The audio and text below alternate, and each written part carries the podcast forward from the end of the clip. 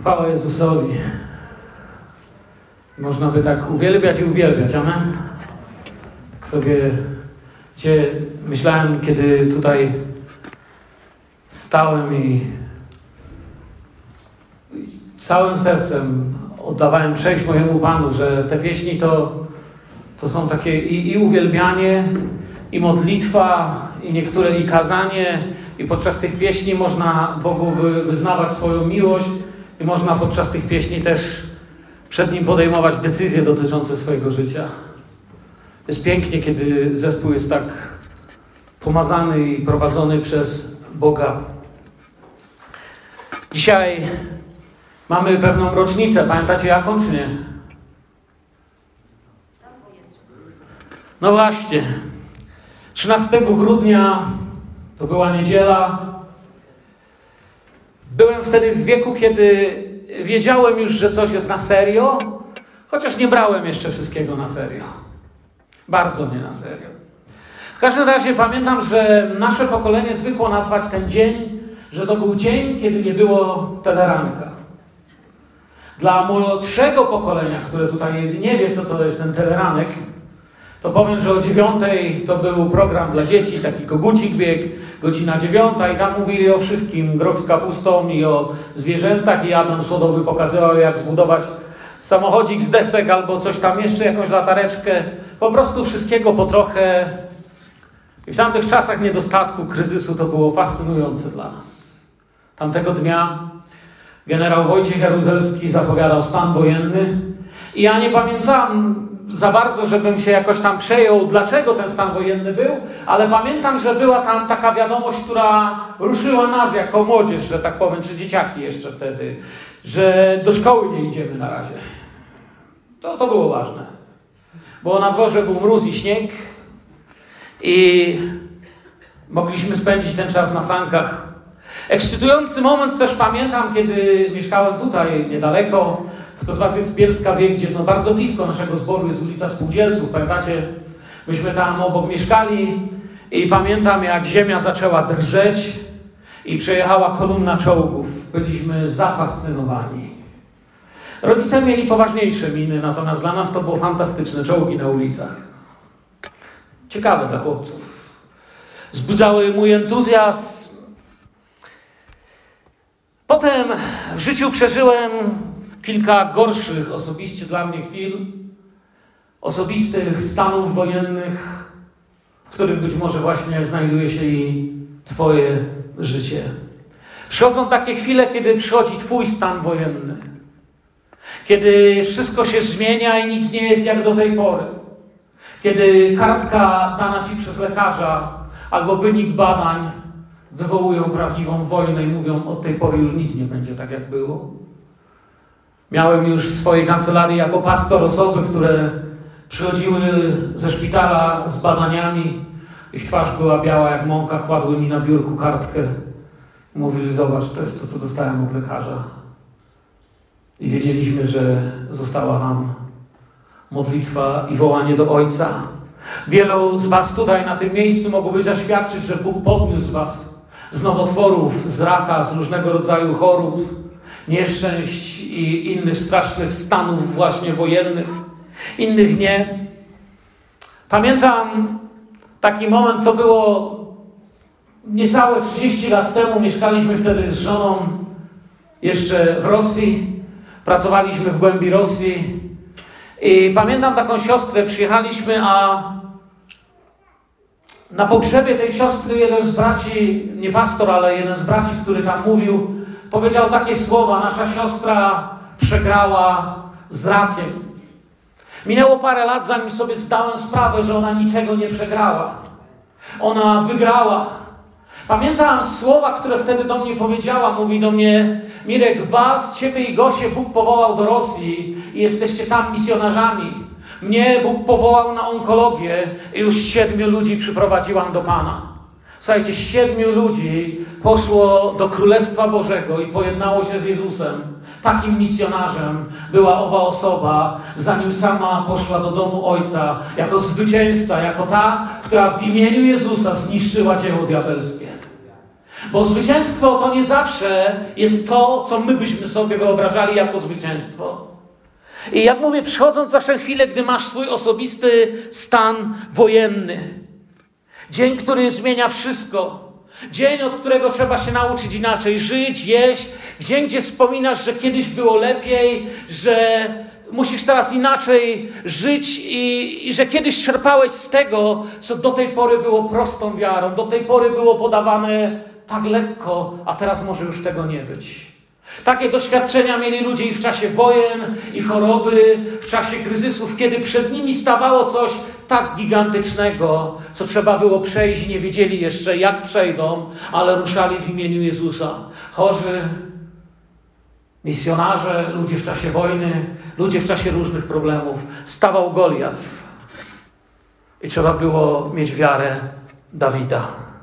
No właśnie, opowieść o Dawidzie i Goliacie na pewno wielokrotnie słyszeliście sam na różne tematy z tej historii głosiłem. Gdyby chcieć z tych wszystkich wersetów taką dokładną egzegezę biblijną zrobić, to tutaj byśmy siedzieli następne 2-3 godziny z przerwą. Opowieść o Dawidzie i Goliacie to nie jedynie relacja z pola bitwy. Pamiętam zresztą tutaj na tym miejscu ostatni raz, kiedy słyszałem kazanie na ten temat, przynajmniej ja, może było jeszcze później, nie wiem czy pamiętacie, przepięknie tą historię opowiadał brat Robert Kasprowicz, nawet takiego Goliata wielkiego tu postawił. Nie wiem czy to pamiętacie, czy byliście tu. Taki model, jak wygląda. To nie jedynie relacja z pola bitwy.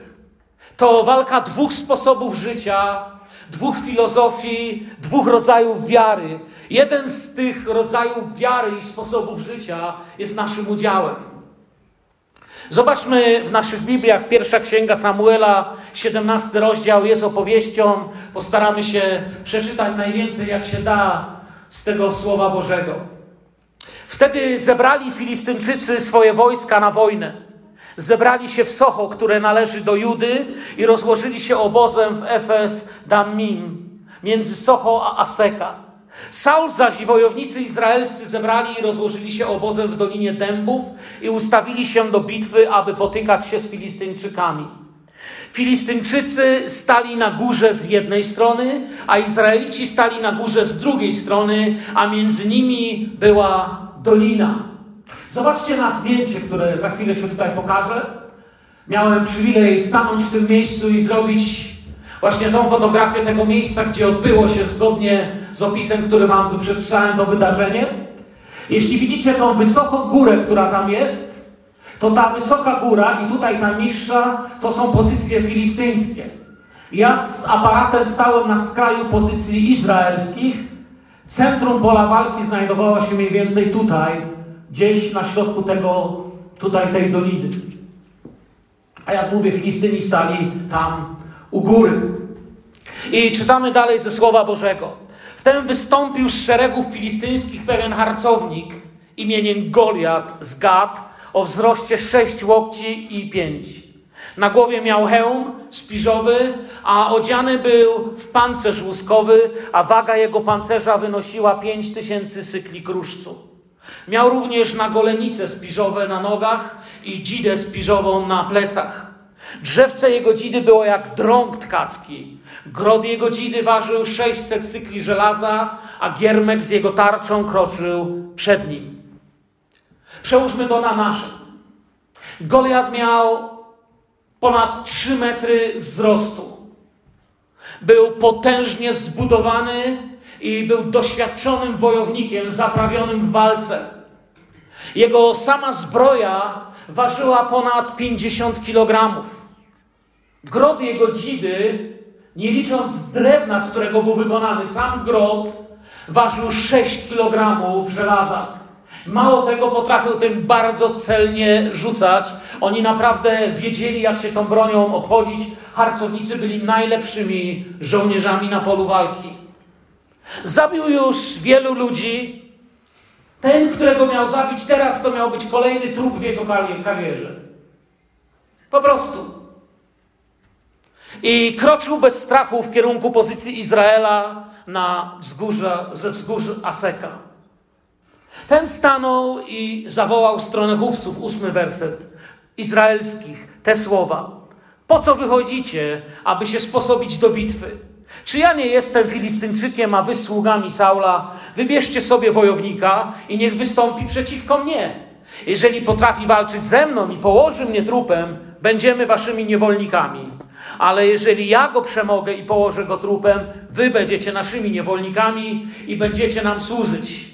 Rzekł jeszcze Filistynczyk, ja zelżyłem dzisiaj szeregi Izraela, powiadając, stawcie mi wojownika, a będziemy walczyć z sobą. Gdyż zaś Saul i cały Izrael usłyszeli te słowa Filistynczyka, upadli na duchu i bali się bardzo, a Dawid był synem wspomnianego Efratejczyka z Betlejemu judzkiego imieniem Isaj, który miał ośmiu synów. Mąż ten w czasach Saula był już za stary, aby stanąć w gronie wojowników. Wyruszyli więc za Saulem na wojnę trzej najstarsi synowie Isajego, a imiona trzech jego synów, którzy wyruszyli na wojnę, to najstarszy Eliab, drugi po nim Abinadab, a trzeci Szamma. A Dawid był najmłodszy. Za Saulem wyruszyli trzej najstarsi. Dawid zaś nieraz odchodził od Saula, aby paść trzody swojego ojca w Betlejemie.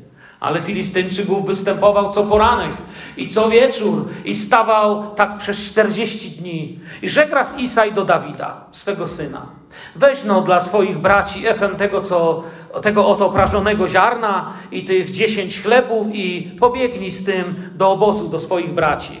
Tych zaś dziesięć kawałków sera zanieś pułkownikowi.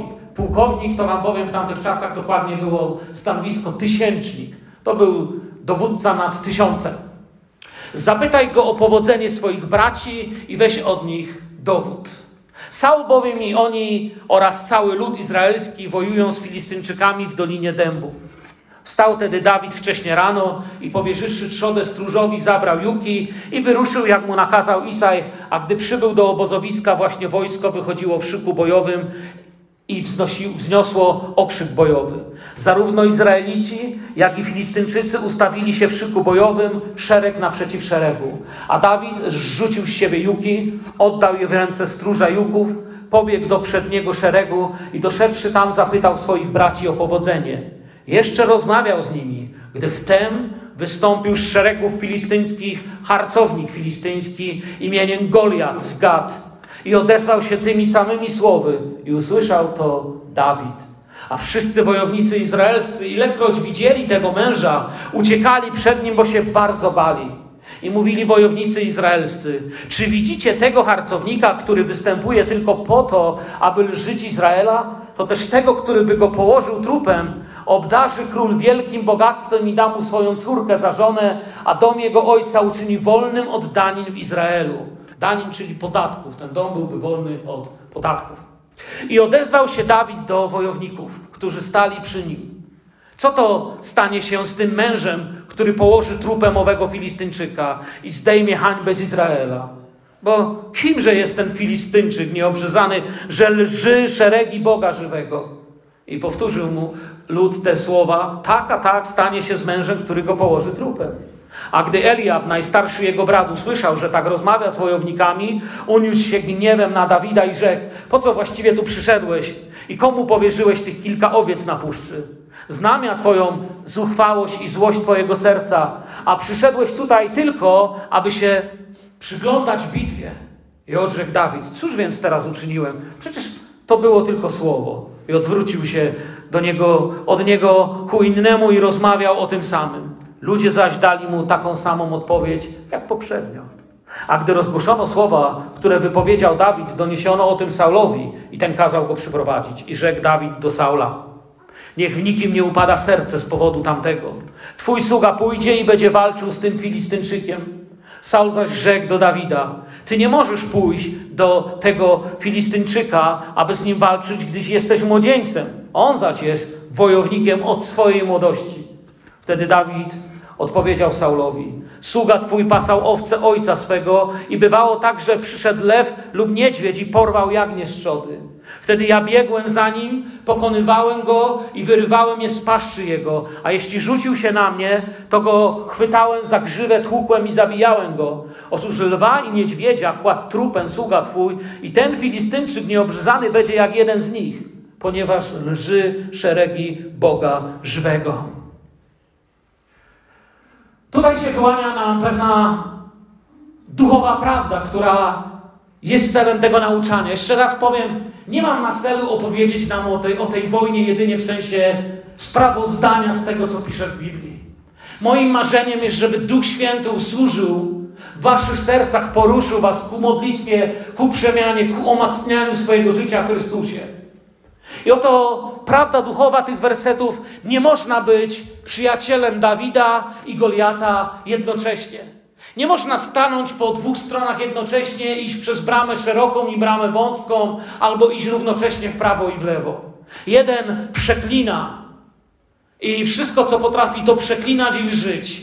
Drugi wierzy i modli się. Jeden żyje w swoich siłach, drugi wierzy, że chodzi w mocy Jahwe. Motywem Goliata jako harcownika była sława i zaszczyty, bo tego dostępowali harcownicy. Harcownicy walczyli często sami, często rozstrzygali całe bitwy, należało się im zawsze dużo złota, mieli wszystkiego pod dostatkiem, ich celem było jedno: chwała, sława, chcieli być opiewani w pieśniach i legendach. Motywem Dawida była miłość do Boga i jego ludu. Bieg za lwem lub niedźwiedziem nie dlatego, żeby zdobyć trofeum myśliwskie. Nie dlatego, że chciał być sławny, ale dlatego porwanego jagniątka, które znajdowało się w paszczy drapieżnika i zabijał drapieżnika, albo pobił go i wyrywał jagniątko z jego paszczy, z jego pazurów. Mają też coś wspólnego. I Dawid, i Goliat. Jeden i drugi wie, że ważne jest to, co robią, bez względu na resztę. Bez względu na tych, którzy stoją za nimi i patrzą. Ważne będzie to, co robią. Jeden i drugi wierzyli, że ich postawa i działanie wprowadzają zmiany. Że ich postawa i działanie mogą zmienić czyjeś życie i mogą zmienić historię. Goliat przez 40 dni bluźnił Izraelowi w twarz. Tak wychodził i bluźnił, i bluźnił, i bluźnił. Wychodził rano i wieczorem, czyniąc to systematycznie. Był bardziej systematyczny niż niektórzy z nas w czytaniu i modlitwie. Robił to solidnie, najlepiej jak potrafił. 40 dni. Wróg. Tak samo jak być może ty stoisz teraz w takich dniach, czy jesteś w swoim miejscu, w, tak, w swoim życiu w takim miejscu, gdzie, gdzie, gdzie złoci bluźni, gdzie diabeł się śmieje, gdzie ciągle przychodzą myśli z samego diabelskiego serca. Nie dasz rady, przegrałeś, Inni dadzą rady, ty nie dasz rady. Nie rzucisz tego, nie uwolnisz się od tego, nie wypuszczę cię na wolność, nie zwyciężysz w modlitwie. Rano i wieczorem, gdy Izrael modlił się, tak jak, tak jak się modlili Izraelici, modlili się swoją modlitwą Szma Izrael, Adonai, Eloheinu, Adonai, Ehad. Słuchaj Izraelu, jest Pan, Pan, jest, Pan Bóg jest jeden. Wierzyli w tego Boga, w tym samym czasie ich serca omdlewały ze strachu. Jedno było modlić się, ale drugie Goliat, który tam bluźnił i stał. Goliat woła, wybierzcie sobie wojownika i niech wystąpi przeciwko mnie. Innymi słowami, co mówi Goliat? Dajcie mi takiego człowieka, który coś może. Dokładnie tak jak dzisiaj zło, Goliaci Twojego życia będą Ci mówić. A co Ty dzisiaj możesz? Czasy, czasy cudów to, to w dziejach apostolskich było. Czasy Bożego działania to było dawno. Misje nie dla Ciebie. Służba, a co Ty możesz? Ty do służby? Ty nic nie możesz. Pokaż mi, co Ty możesz. Kto z Was coś może? To jest wyzwanie, które często było rzucone Kościołowi w jego historii. Goliat krzyczy: Pokażcie mi, kto da rady. Ja tu jestem i kto mi coś zrobi. I wiecie, najgorsze jest to, że Goliat naprawdę był najsilniejszym w sensie fizycznie z ludzi na tym polu walki. Tam na tym polu walki technicznie nie było wojownika, który byłby w stanie pokonać go. Ani na włócznie, ani na miecz. On naprawdę czuł się tak. Przynajmniej on tak sobie wierzył i widział to na swoje własne oczy. Dokładnie takie same odczucie ma dzisiejsze zło. Panoszące się zarazy, choroby, nieszczęścia, depresje i różne inni Goliaci naszego życia. Goliaci dlatego, że widzimy, że zabiło już wielu, że wielu nie dało rady. A teraz ty czujesz, że jesteś na celowniku. To samo wołanie wychodzi dziś z ust diabła, ten sam duch. Nikt nie oprze się temu, co mam, mówi zło. I chętnie niszczy takich, którzy myślą, że mają pieniądze, ale okazuje się, że nawet milionerzy umierają i nie dają rady. Chętnie niszczy takich, którym wydaje się, a ja to dam rady, mi to nie grozi, bo ja, bo moje stanowisko, bo to, co posiadam. Kościół musi być szczególny i inny, skupiony na innym Panu i zwyciężaniu w inny sposób, na innej rzeczywistości. Niedoceniony pasterz Dawid postanawia z tym skończyć. Na marginesie. Pamiętacie, jak Dawida wybierano na króla? Przyszedł prorok. Samuel przyszedł i wiedział, że w tym domu jest król. Przyprowadzano pierwszego brata, drugiego brata, trzeciego, ale jeden chłop taki jak dom, wiecie, no ten to by był król, a Bóg mówi, to nie ten. Według ludzkich norm Dawid nie kwalifikował się nawet na kandydata, na kandydata, na kandydata na króla. A Bóg mówi, to będzie król. Powiedzcie mi, kto z nas nadaje się na kandydata, na kandydata, na kandydata, na kandydata do zbawienia? Kto z nas z naszych sił nadawałby się na świętego. Czy wiecie, że świętymi jesteście? Czy wiecie, że świątynią Ducha Świętego jesteście? Czy wiecie, że jesteśmy w drodze do Ojca, do nieba, do Królestwa Bożego? Amen? Wierzymy w Jezusa. Amen? Dobrze, ktoś chciał tu Boga uwielbić. No, chwała Bogu. To jest to. My tym jesteśmy. Czy ja się do tego nadawałem? Spojrzałbyś na mnie, zresztą pamiętam, Przyszło nas pierwszy raz, jak byłem w zborze, tu w Filadelfii. Pierwszy raz w życiu. Byłem z kolegą, wyszliśmy do przodu nawet, żeby się o nas pomodlono. Kiedy wyszliśmy, ten kolega powiedział do mnie, ja myślę, że ja tu zostanę, podoba mi się tu tych yy, kociarzy, mówiliśmy na zielonoświątkowców. Mówi, tu kociarzy całkiem fajnie jest. Ale tak patrzy na mnie i mówi, ale ty to nie zostaniesz, ty jesteś za bardzo wariat. Znaczy złożyło, że ja zostałem. Nie cieszę się, że go nie ma. Tęsknię za nim i kiedy go ostatnio widziałem, znów głosiłem słowo. Ale nie nadaje się nawet na kandydata, na kandydata, na kandydata, na kandydata do kandydowania na świętość. Ale w Jezusie Chrystusie zostałem dzieckiem Bożym i jestem Twoim bratem w Panu, tak jak Ty moją siostrą i bratem. To jest to. Nie powinniśmy pozwalać by zło nas zniechęcało, powodowało strach i naszą bierność, by w czasie naszych modlitw brzmiał nam gdzieś w cichutko ten zły głos w naszych sercach i tak nie poradzisz sobie, i tak zginiesz. Musi w nas pozostawać to, co Moody mówił, kiedy usłyszycie, nie, że nie żyję. Nie wierzcie, jestem bardziej żywy niż widzieliście mnie dziś. Jest zwycięstwo w Jezusie, niekoniecznie wygląda tak, jak my myślimy, ale nie ma w Jezusie przegranych. Gdy brzmi bluźnierstwo przeciw naszemu Bogu i wierze, trzeba być częścią żywego organizmu, żeby cię bolało. Dawida bolało, bo on był częścią Izraela. On kochał Boga Izraela i kochał swój naród. Trzeba być częścią żywego organizmu, by bolałoby to czuć. Lecz ponad wszystko trzeba położyć życie, trzeba być mężem według Bożego serca, mieć ten stan bliskości z Bogiem gdy czujesz, że nie zgadzasz się na taki świat, jak jest.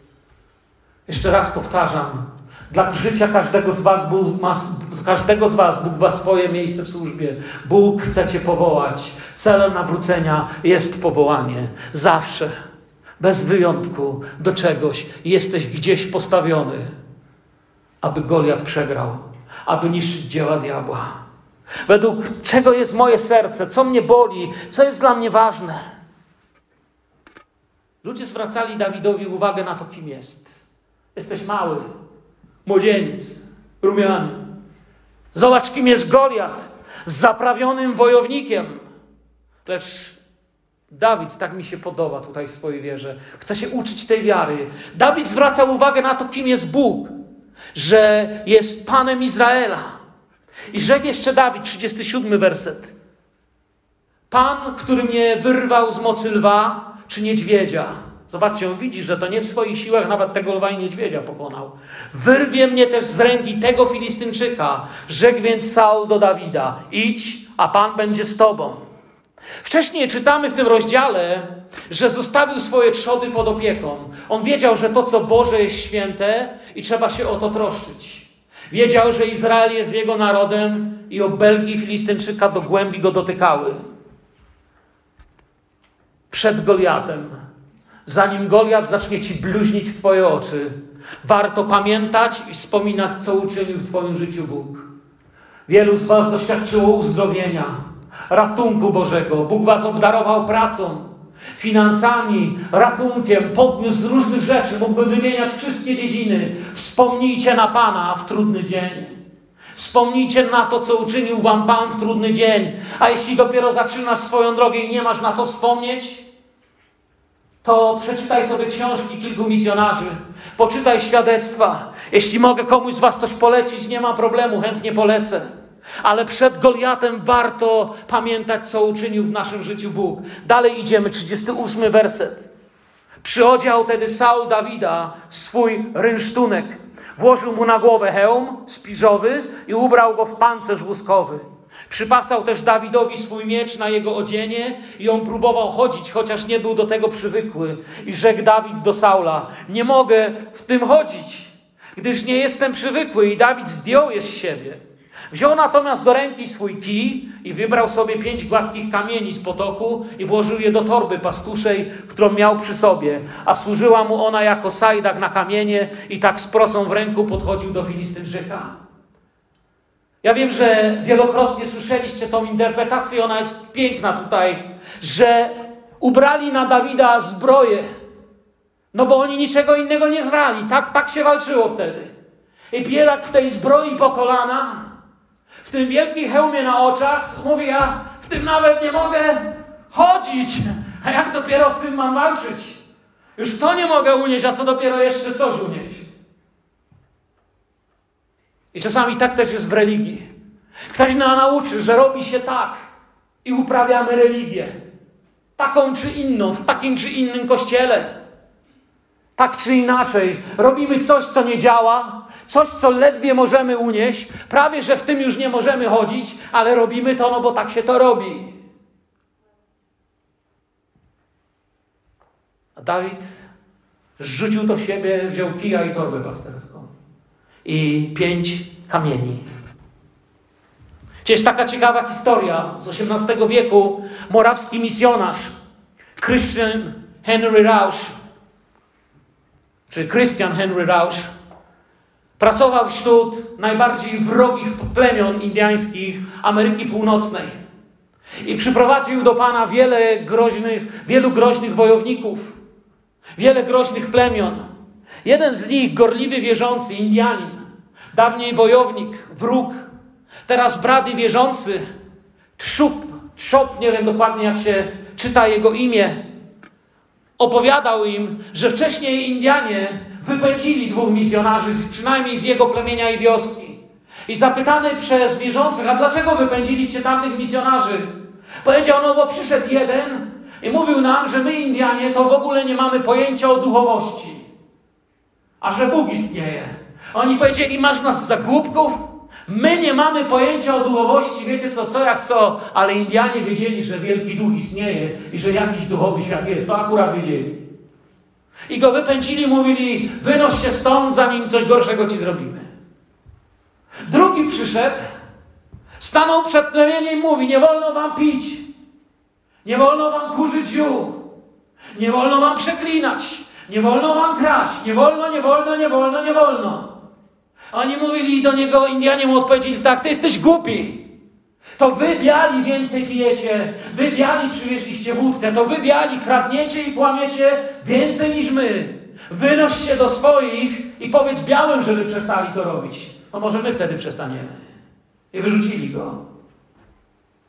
Więc pytali go dalej wierzący bracia morawscy, a czym się różnił Christian Henry, że przyjęliście go?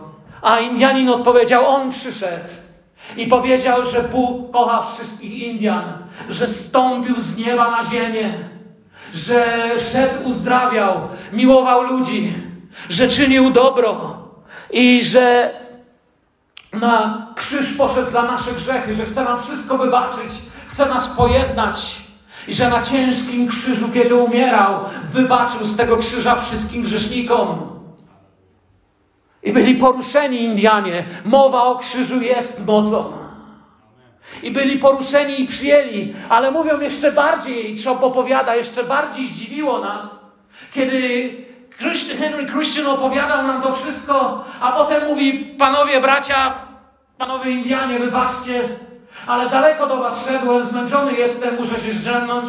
I oparł się o ich dzidy, o ich łuki, strzały, o ich broń, położył się i zaczął po chwili chrapać głośno i zasnął. Indianie, wojownicy stali i patrzyli, o, coś nowego. Tego jeszcze nie było.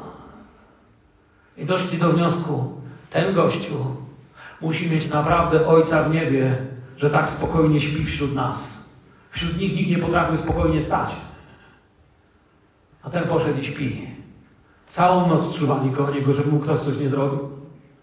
Rano, kiedy się obudził, poprosili o jeszcze, że chcą jeszcze posłuchać o tym, czym do nich przyszedł. I tak Jezus zagościł w ich sercach.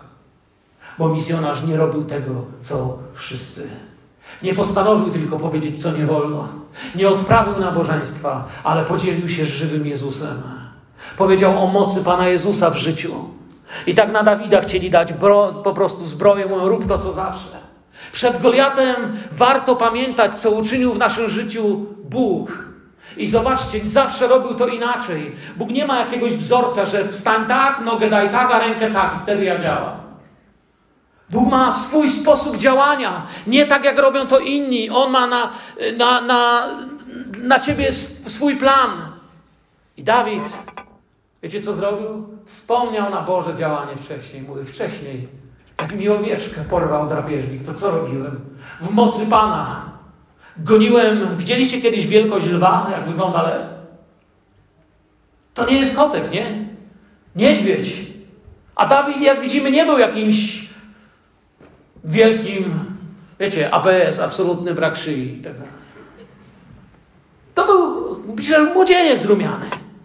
I Dawid wspomniał na Boże działanie wcześniej. I, to, to, I ta prawda się tu pokazuje, aż dotąd prowadził nas Pan. On o tym wspomniał. On miał proce i kamienie z potoku Nahal. Miał pięć.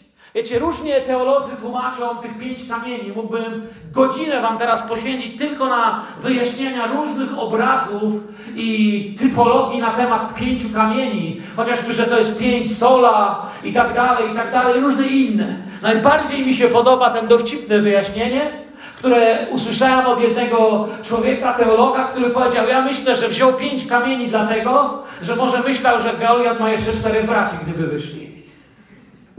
To była odwaga Dawida. Nie wiem, czy to prawda, ale podoba mi się tak. 41 werset. Idziemy dalej naszą historią. Także i Filistynczyk zbliżał się coraz bardziej do Dawida, a przed nim jego giermek. Gdy Filistynczyk spojrzał i zobaczył Dawida, odniósł się doń pogardliwie, gdyż był to jeszcze młodzieniec, właśnie tu pisze, rumiany i przystojny. Rumiany też znaczy rudy czasami. Rzekł wtedy Filistynczyk do Dawida: czy ja jestem psem, że przychodzisz do mnie z kijami? I Filistynczyk przeklnął Dawida przez swoich bogów. I rzekł Filistynczyk do Dawida: Podejdź do mnie, a dam twoje ciało ptactwu niebieskiemu i zwierzynie polnej. Wtedy Dawid odpowiedział Filistynczykowi: Ty wyszedłeś do mnie z mieczem z oszczepem i z włócznią, a ja wyszedłem do Ciebie w imieniu Pana zastępów, Boga szeregu izraelskich, które zelżyłeś. Dzisiaj wyda Cię Pan w moją rękę i zabije Cię i odetnę Ci głowę i dam dziś jeszcze trupy wojska filistyńskiemu, ptactwu niebieskiemu i zwierzynie polnej i dowie się cała ziemia, że Izrael ma Boga i dowie się całe to zgromadzenie, że nie mieczem i włócznią wspomaga Pan, gdyż wojna należy do Pana i On wyda was w ręce nasze. To jest ta wiara Dawida naprzeciwko Goliata, który przeklina. Jak zawsze po wielkich słowach czas na wielkie czyny. Tak samo Kościół nie może być tylko kościołem wielkich słów. Musimy być ludźmi wielkiego życia.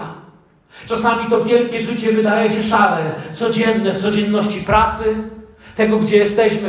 Pamiętam jeszcze z Gosią, kiedy byliśmy w szkole misyjnej w Moskwie, to tam nauczyciel, starszy już brat tłumaczył nas, gdziekolwiek postawił was Bóg, tam jest twoje miejsce. Opowiadał nam o człowieku, który marudził, że pracuje na zlewo zmywaku w kawiarni, bo nie ma wykształcenia, a chciał być misjonarzem. On wtedy powiedział, tam jest twoje miejsce na misję, ten zlewo zmywak, ta restauracja i ludzie wokół ciebie, to są twoi Indianie, to są twoi Afrykanie, to są twoi Azjaci, to jest twoja misja, bądź wierny w małym, Bóg da ci duże. Tak samo, że są grzech. Grzech też, wiecie, tak jak Goliat kiedyś był Goliacikiem, tak kiedyś grzech był tylko, a takie coś. Ale on rodzi śmierć, wydaje owoc śmierci. Ale wracam do słowa. Po wielkich słowach czas na wielkie czyny. A Dawid był człowiekiem nie jedynie słów. Obydwie strony, zwróciliście uwagę w tekście, mocno chcą nakarmić ptactwo niebieskie sobą. Dlaczego?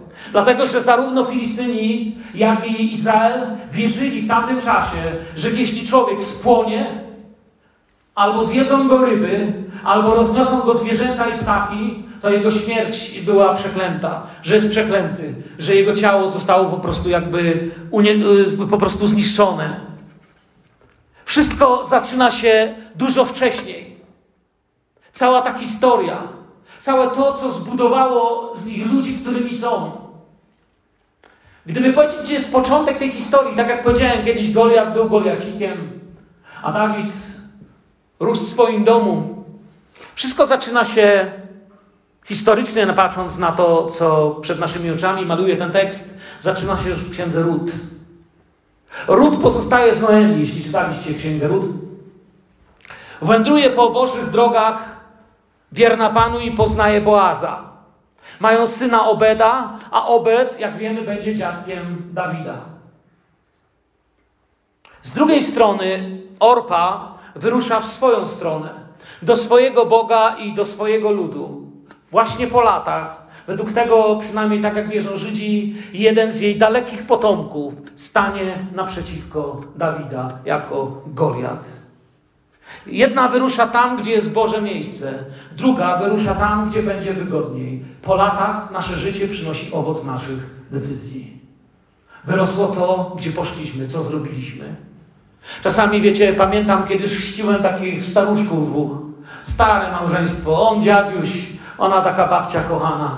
Wiecie, co ich, ich cieszyło wszystko w Chrystusie. Oni się cieszyli jak dzieci. Martwili się jedną rzeczą. Mówią, czemu tak późno poznaliśmy Pana?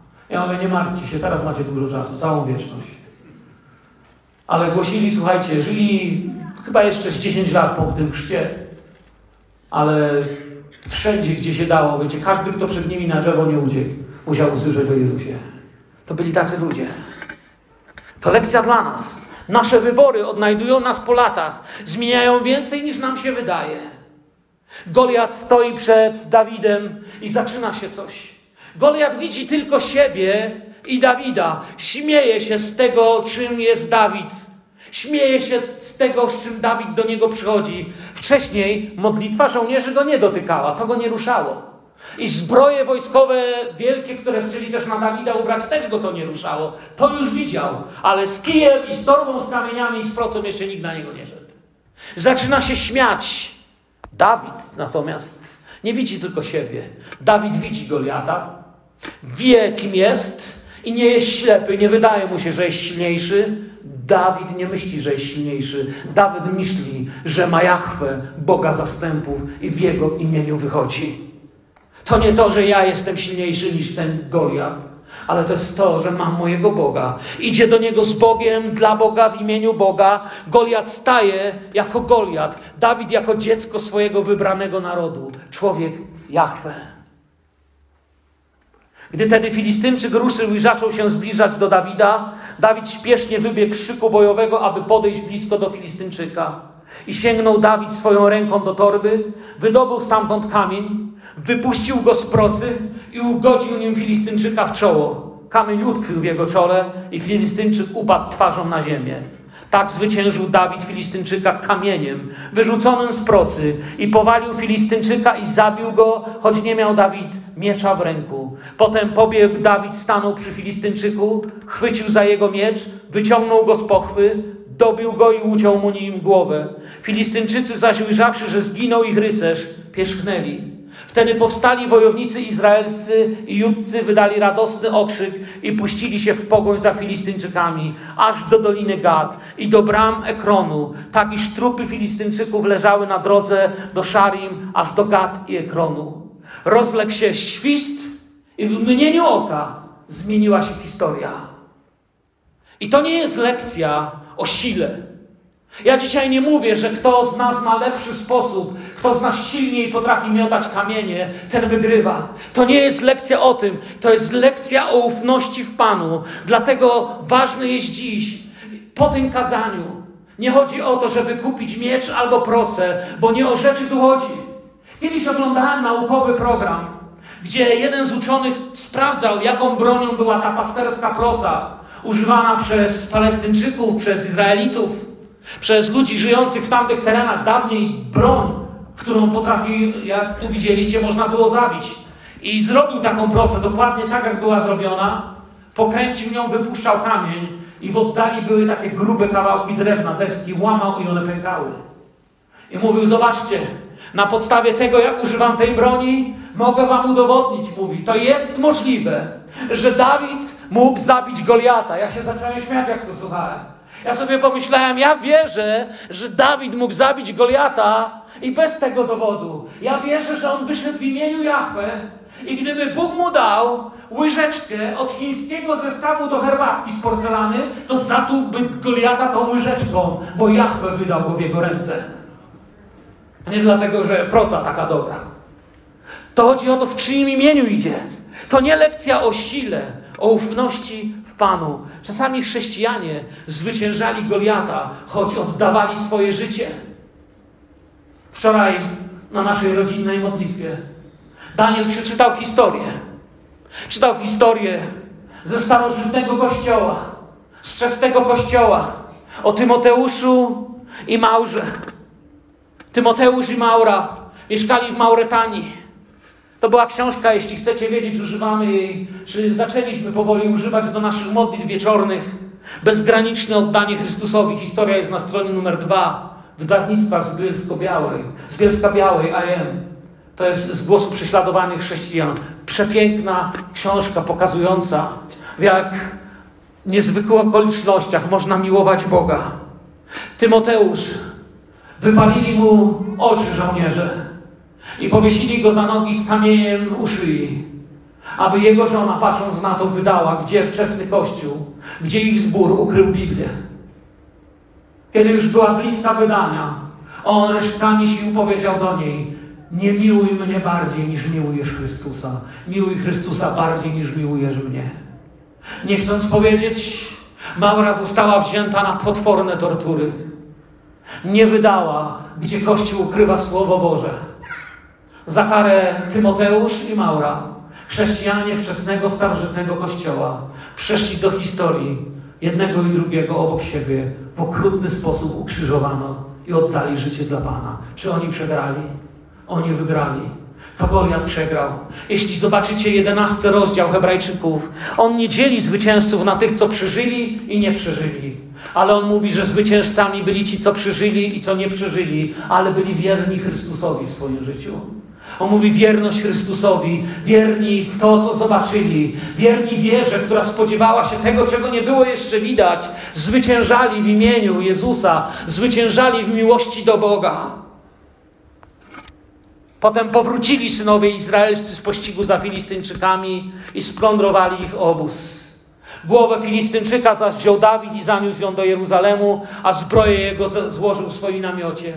A gdyś Saul widział, że Dawid wyrusza, aby potykać się z Filistynczykiem, rzekł do Abnera, dowódcy wojska, czyim synem jest ten młodzieniec, Abnerze? Abner odparł, jakiś żyw królu nie wiem. I rzekł król, wypytaj się ty, czyim synem jest ten młody siłacz.